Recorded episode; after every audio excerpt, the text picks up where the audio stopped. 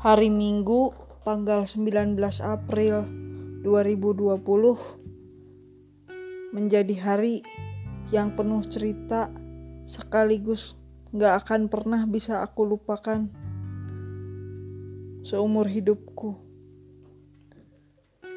Banyak peristiwa yang terjadi pada hari itu sejak dari pagi.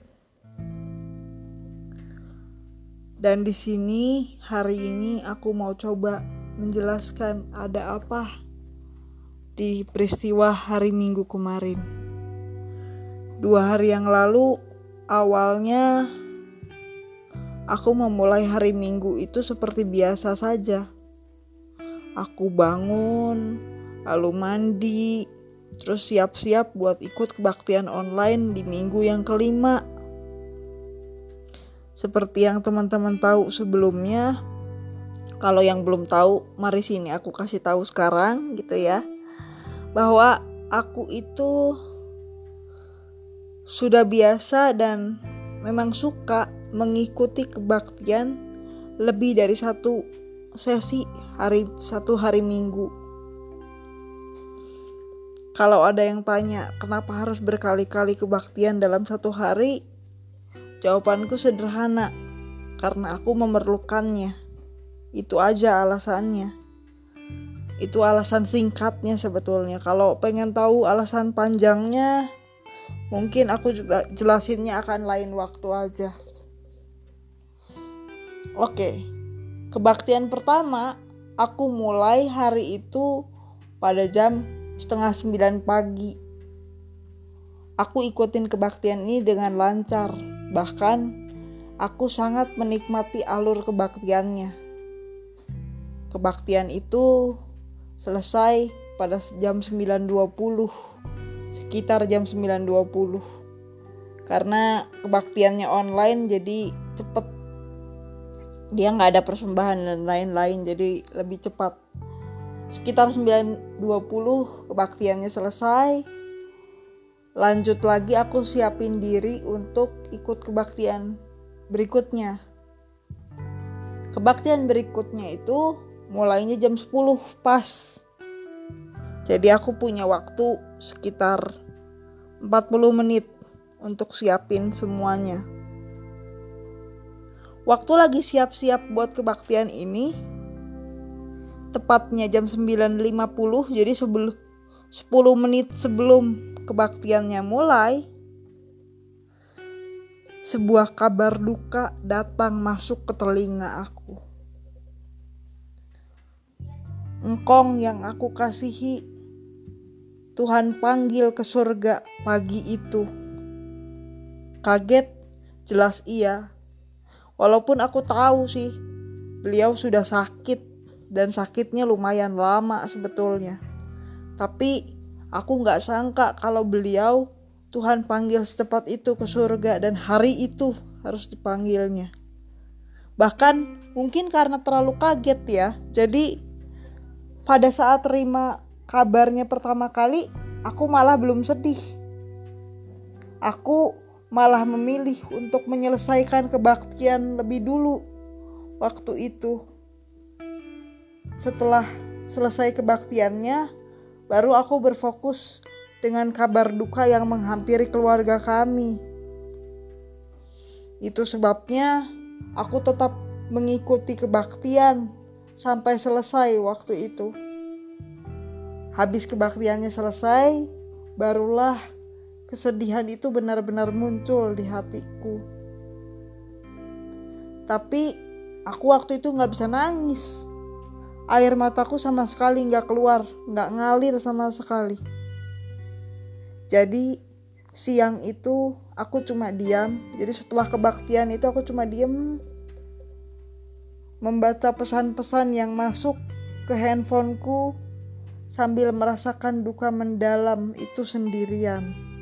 Kenapa sendirian? Karena keluarga aku yang lain udah pergi ke rumah engkong untuk ngurus segala sesuatunya di sana. Aku merasakan duka mendalam itu dalam hatiku, tanpa bisa mengeluarkan air mata setitik pun. Aku nggak bisa menangis, aku nggak bisa apa-apa, tapi aku merasa sedihnya tetap ada. Aku ngerasa pada saat itu duniaku dan langitku gelap seketika, sekejap saja.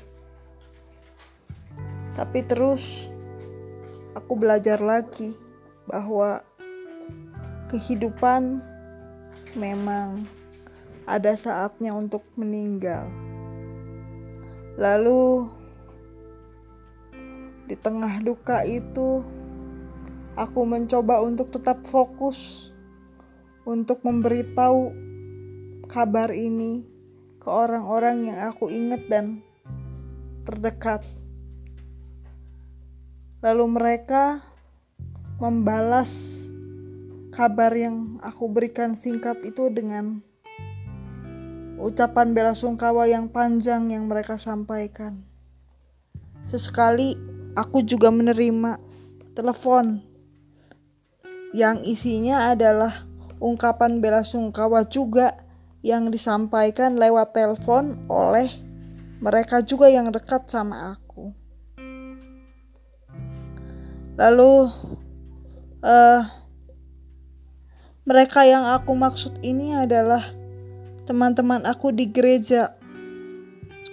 Sambil tetap memegang handphone, pikiranku kemudian melayang, mengenang kembali waktu-waktu dan beragam kisah yang aku dan engkong pernah lewatin bersama. Jadi, perasaan yang timbul pada saat itu benar-benar di hatiku adalah percampuran antara duka cita dan sukacita, dan juga syukur. Apa yang bikin aku bisa bersyukur? Ini, aku bersyukur karena meskipun hari Minggu itu kami melaksanakan ibadah masih harus online, tapi rangkulan cinta kasih Allah bisa dengan nyata aku rasakan di tengah-tengah duka ini melalui ungkapan duka cita yang disampaikan oleh teman-temanku dan itu mengalir begitu deras ke handphoneku.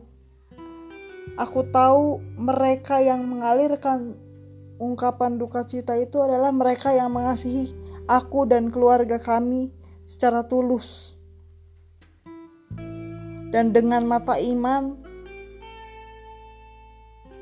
aku bisa melihat bahwa Allah sendirilah yang memampukan aku untuk melihat peristiwa ini sebagai peristiwa uh, dan bukti nyata kasih Allah yang ada di tengah-tengah kehidupan aku. Ini juga sekaligus jadi bukti bahwa Tuhan gak pernah tinggalin aku sedetik pun meskipun aku dalam kondisi duka. Maksudnya Tuhan itu nggak selalu cuma ada di saat kita senang, tapi dia juga di segala kondisi dan tiap detik selalu ada bersama dengan aku. Ayat yang membuat aku teringat pada saat-saat duka ini adalah dan melihat peristiwa yang aku alami itu, aku menjadi mengingat ayat ini. Ayatnya diambil dari Amsal 17 ayat yang ke-17. Seorang sahabat menaruh kasih setiap waktu dan menjadi seorang saudara dalam kesukaran. Sebuah ayat yang pendek untuk diingat juga sangat mudah, tetapi selalu terasa nyata setiap kali aku membaca ayat ini. Aku membaca ayat ini bukan hanya dalam situasi duka, tapi dalam situasi apa pun. Dan setiap kali aku membacanya, aku selalu merasa bahwa ayat ini selalu bicara eh, langsung dan sangat nyata terasa olehku. Seorang sahabat memang demikianlah adanya. Itulah perbedaannya antara teman biasa dan sahabat.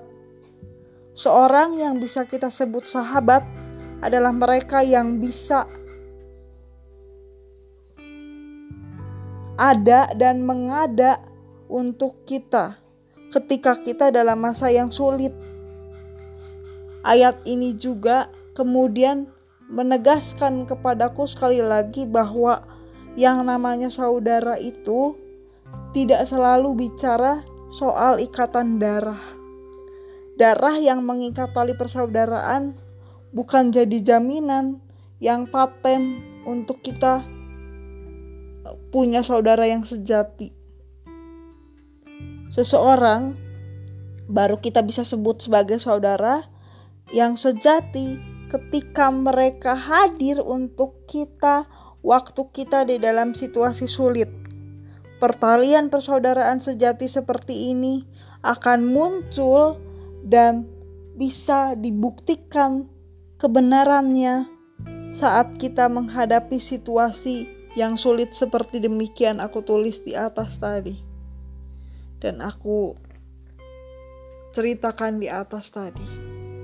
Oleh karena itu, aku sangat merasa bersyukur sebab dari peristiwa duka ini justru aku punya kesempatan untuk melihat dengan jelas siapa yang menjadi saudaraku yang sejati.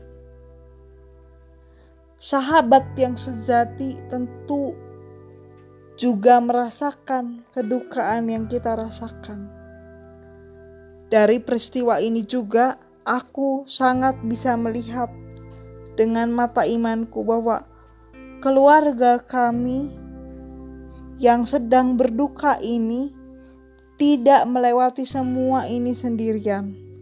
Ada Tuhan dan saudara seiman yang menjadi kawan seperjalanan kami dalam melewati duka ini.